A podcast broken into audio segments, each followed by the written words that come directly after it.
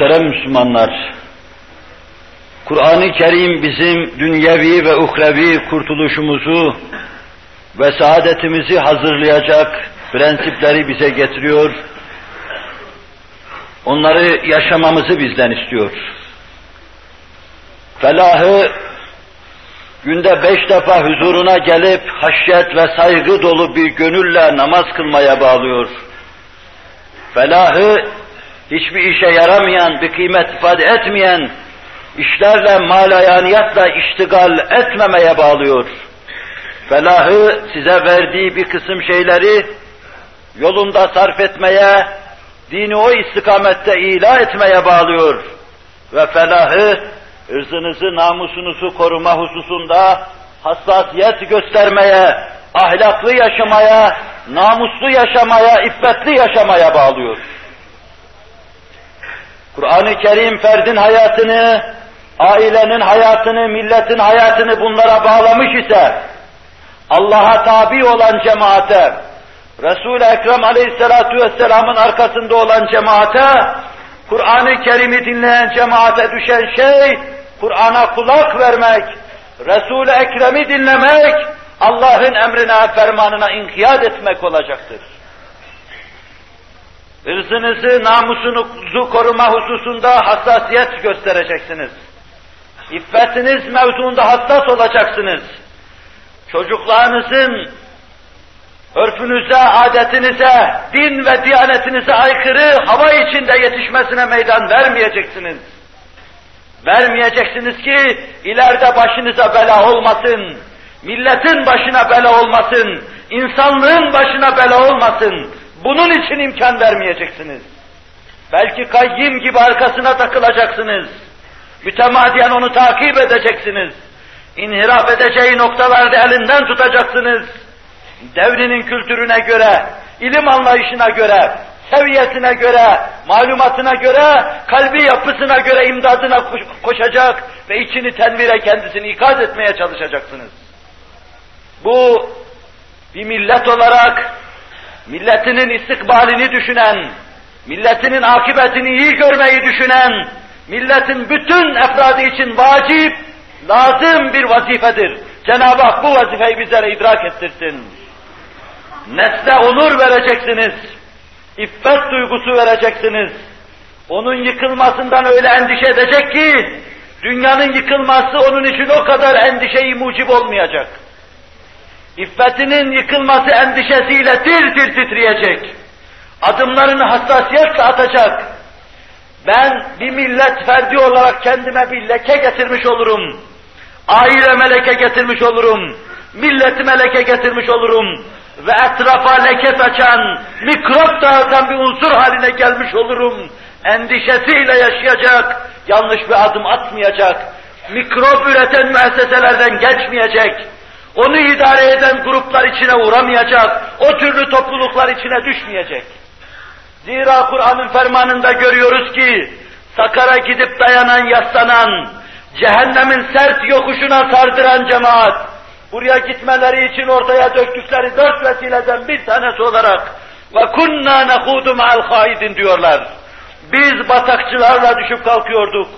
Hayatında hesap ve plan olmayanlarla muaşerette bulunuyorduk laubalilerle, la kayıtlarla, hayatlarına mala yani şeyler hakim olanlarla muaşeretimiz vardı, muharefemiz vardı, dostluğumuz vardı, yiyip içmemiz vardı, oturup kalkmamız vardı. İşte sakara girmemize, cehennemin bu sert yokuşuna sardırmamıza sebebiyet veren hususlardan bir tanesi budur diyecekler. Kur'an anlatıyor bunu. Demek ki iffet ve namus mevzunda hassasiyet gösterme bir Kur'an prensibidir. Müminun suresindeki ayette Allah Celle Celaluhu felah bulanları, kurtulanları sıralarken, dünyada iyi bir millet haline gelmiş, felah bulmuş, ahirette cennete girmiş, Allah'ın cemalini müşahede etmiş, felah bulmuş, kurtuluşu ermiş, saadet elde etmiş. Bunları sıralarken, esbabı mucibesini sıralarken, yolunun erkanını sıralarken, وَالَّذ۪ينَ هُمْ لِفُرُوجِهِمْ حَافِظُونَ diyor. Onlar ki ırzlarını, namuslarını koruma hususunda da hassasiyet gösterirler. Bana bir leke gelecek diye tir tir titrerler. bu ailelerimizin içinde hüküm ferma kılmamız gereken, hakim kılmamız gereken mühim unsurlardan bir tanesidir. Sadece felsefi yönüyle, fikri yönüyle üzerinde durup sizi izah etmek, tasdik etmek istemiyorum. Bir misalle sadece mesele intikal ettirmek istiyorum. O misal başka zaman başka bir hadise münasebetiyle size arz ettiğim bir misaldir. Ama bugünkü mesele münasebetiyle şurada yakalayıp arz edeceğim husus ve yönü ise tamamen başkadır. Resul-i Ekrem aleyhissalatu vesselamın saadet hanesinde öz ve namus hususunda hassasiyet ve titizlik hüküm fermaydı. O kendisi ne kadar hafif, ne kadar namuslu yaşamıştı. Öyle yaşama azmi içindeydi. Onu anlatırken bekar bir kız gibi, erkeklerin karşısında dahi buram buram ter döker ve terler de anlatırlar. Hazreti Ayş, Hadice'nin karşısında izdivaç teklifini aldığı zaman sırılsıklam terler içinde kalmıştı. O kadar iffetliydi. 25 yaşına kadar yaşamıştı Allah Resulü. Evlenmemişti, izdivaç hayatına girmemişti. Bununla beraber kimse onun gözünün üstünde kaşı vardır dememişti. Falana kipriğini kaldırıp da baktın dememişti. O kadar iffetli, o kadar namuslu yaşamıştı.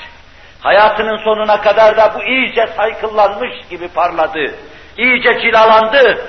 Zevceleri arasında dahi iffetin şahikatına yükseldi. İffet mevzuunda dahi bizim için bir örnek oldu.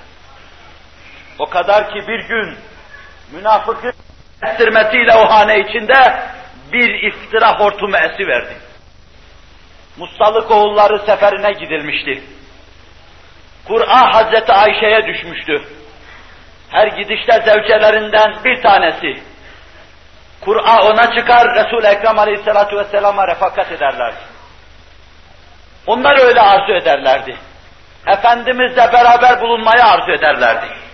Ama bütün kadınları götürme, orada müşkilata badi olacağından bir tanesi giderdi. İşte o seferde de Kur'a Hazreti Ayşe'ye çıkmıştı.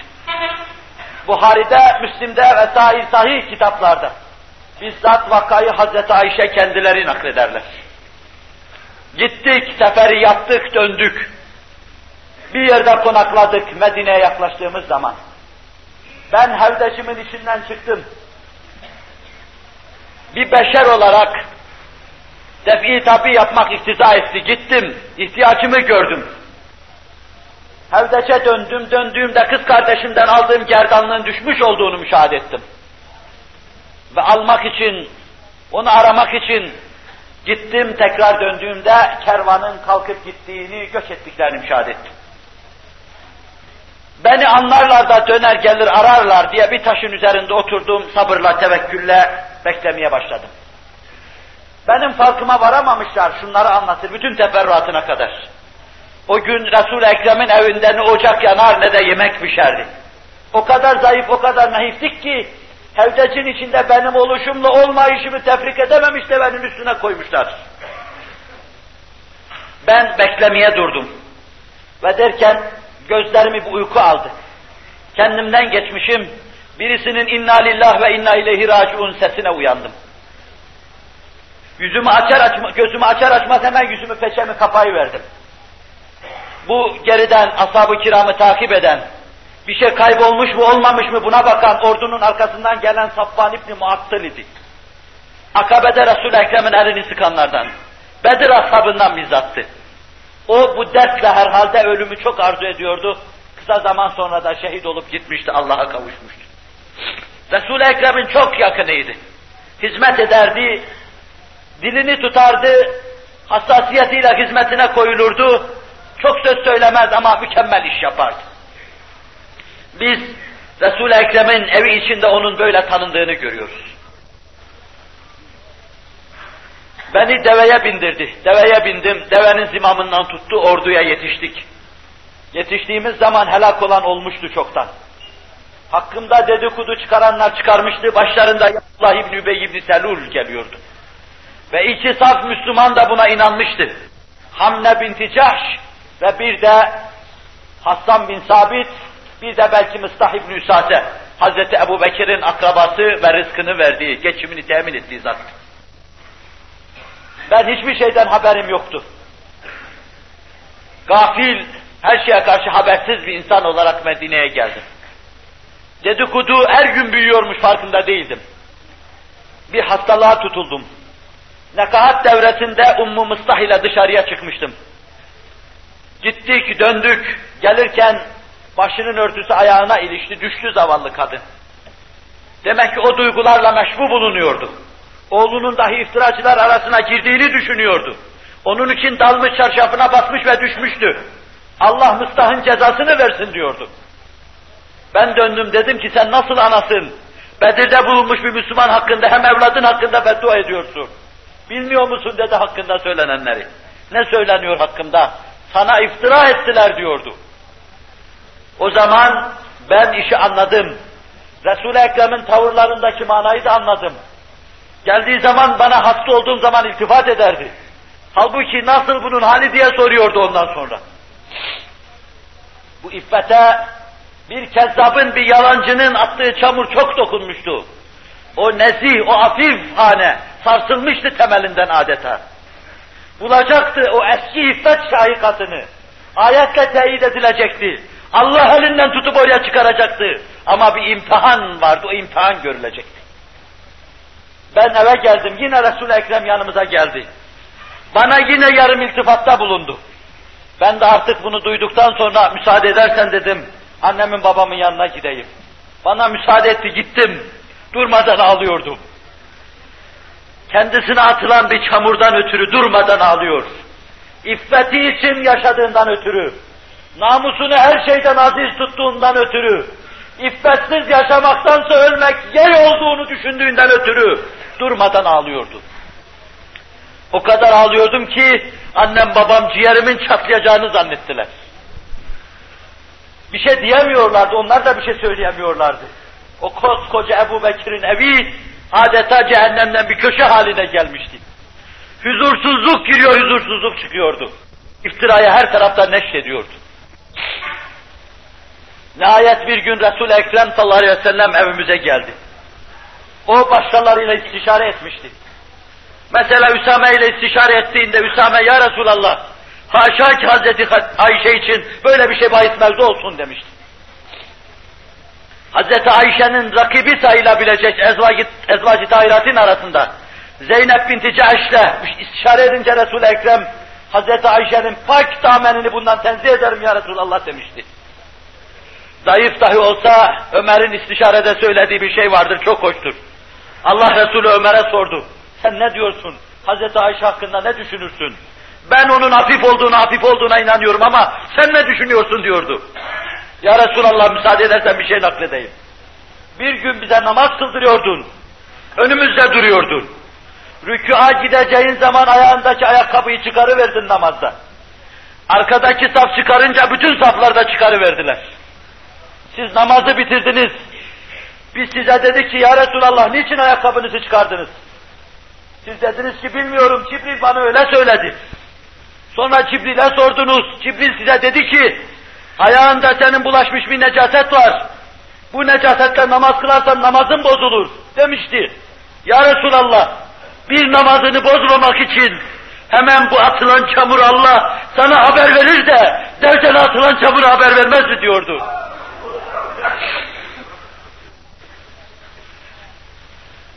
Bütün bu istişarelerden sonra Hz. Ayşe'nin yanına gelmişti. Peygamberin gönlü kırıktı. Hz. Ayşe'nin yanına sokuldu ve şöyle dedi. Ya Ayşe, eğer bir günah işledinse itiraf et Allah affeder. Eğer işlemedinse Allah gafurdur, rahimdir diyordu. Seni temize çıkaracaktır. Resul-i Ekrem'in böyle değişi ağlıyordum o dakikada diyor ağlamamda durdum. Istırap öyle hale geldi ki damarlarında kanım dondu. Gözüm artık yaş çıkarmıyordu. Ne diyeyim dedim. Yüzümü kıbleye karşı çevirdim. Allah'a teveccüh ettim. Hatta Hazreti Yakup'un adını da unuttum diyor. Yusuf'un babası dedim. Yusuf'un babasının dediği gibi derim dedim. O innema eşku bessi ve huzni Allah demişti. Şikayetimi şöyle dağılıp saçılmam Allah'a şikayet ediyorum gayrı ne diyeyim? Bu sabrı cemildi. Derdini Allah'a açma sabrı cemildi. Ben o halde Allah'a teveccüh etmiştim ki Resul-i Ekrem Aleyhisselatü Vesselam'a vahyi geldiği an onu kıskıvrak yakalayan keyfiyet Resul-i Ekrem'i yakalayıverdi. Heyecanla kendinden geçmişti. Belli ki ayet nazil oluyordu. Gözlerini açtığı zaman tebessüm ediyordu. Müjde ya Ayşe diyordu. Ayet nazil oldu. Diyor ki Hazreti Ayşe, ben benim hakkımda bir ayet nazil olacağını hiç düşünmezdim. Ben kim hakkımda ayet nazil olmak kim derdim. Ama hep şunu beklerdim. Bir gün Resul-i Ekrem'e rüyasında bir şey gösterilir. Allah kalbine bir şey ilham eder. Benim iffetime inanır. Katiyen kalbinden atı verir bunu. Böyle beklerdim. Ayet iftira ile gelen o cemaatin, o hizbin bir iftirada bulunması, bir isnatta bulunması sizin için siz şer zannetseniz dahi şer değildir. Hayır vardır. Münafık ortaya çıkmıştır. Karakteri zayıf Müslüman ortaya çıkmıştır. Bir daha böyle bir vartaya düşmeyecektir o Müslüman. Kendine çeki düzen verecektir. Ulu orta herkes hakkında isnatta bulunmayacaktır. İşte bu türlü hayırlar vardır. Bu hayırları intac etmek için Cenab-ı Hak o büyük aileyi böyle bir imtihana tabi tutmuştur. Ayet hakkında nazil olunca, Resul-i Ekrem beşaret ve beşaşet ishar edince, anam bana döndü, kalk dedi git Resul-i Ekrem'in yanına. Bütün aile sevinmişti. Cennet numun bir hayat başlamıştı. Ben Resul-i Ekrem'e de gitmem, kimseye de gitmem dedim. Ben Allah'a minnettarım. Benim iffetimi Allah anlattı dedim. Gidecekti ama küçük kırılmıştı istiyordu ki Resul-i Ekrem hadiseleri açsın. Herkesin sözüne kulağını kasın kapasın. Yani realiteyi inkar etsin. Yani dev gezen, kol gezen fitneyi görmesin. Ama buna imkan yoktu. Hazreti Ayşe iffetinden emin idi. Resul-i Ekrem de emin idi. Böyle bir minbere çıktı, bütün cemaate şöyle dedi. Ben haremimin iffetinden katiyen eminim. Ama onun hakkında söylenecek bu sözleri izale edecek. Bu mevzuda bu meseleye vaziyet edebilecek birisi yok mu demişti. Sa'd ibn Muaz kılıcına dayanarak kalkmıştı. Emret ya Resulallah keseyim boynunu demişti. Kabilemdense vallahi rahatlıkla keserim demişti başını. Bütün bunlara rağmen Resul-i Ekrem iffetine atılan çamur karşısında hassasiyet gösteriyordu. Hazreti Ayşe hassasiyet gösteriyordu. Hazreti Ayşe'nin annesi hassasiyet gösteriyordu. Babası hassasiyet gösteriyordu. Çünkü evde iffet ruhu hakimdi. İffet ve namus şuuru hakimdi. Sen kızına ve oğluna bu ruhu ve bu şuuru verdiğin zaman aynı hassasiyetle yaşayacaklar.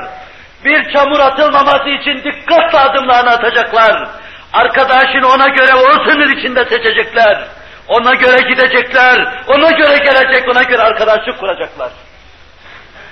Bizi ilgilendiren meselenin ağırlığını teşkil eden noktada işte burasıdır. Ahlak, ahlak şuurunun, iffet anlayışının, namus şuurunun evlerimize hakim olması, evdeki bütün efradın, aile fertlerinin namustan, iffetten birer abide haline gelmesi, atılacak bir çamur karşısında dahi önümü cana minnet bilmeleri, bu hale gelmeleri. O zaman aile kendi kendine istikamet kazanacak, kendi kendine düzelecek, ırzını namusunu korumuş insanların teşkil ettiği aile olacak. Bu onun teşkil edeceği millette ırzını namusunu koruyan bir millet haline gelecektir. Cenab-ı Vacibül Vücut ve Tekaddes Hazretleri kaybettiğimiz şeref ve onuru bize iade buyururken yolunda onu aramaya bizleri muvaffak kılsın. Yolunda onu tahsile bizleri muvaffak kılsın. Ela inne ahsenel kelamı ve ebla'n nizam. Kelamullahil melikil azizil allam. كما قال الله تبارك وتعالى في الكلام وإذا قرأ القرآن فاستمعوا له وأنصتوا لعلكم ترحمون أعوذ بالله من الشيطان الرجيم بسم الله الرحمن الرحيم. وبشر المخبتين الذين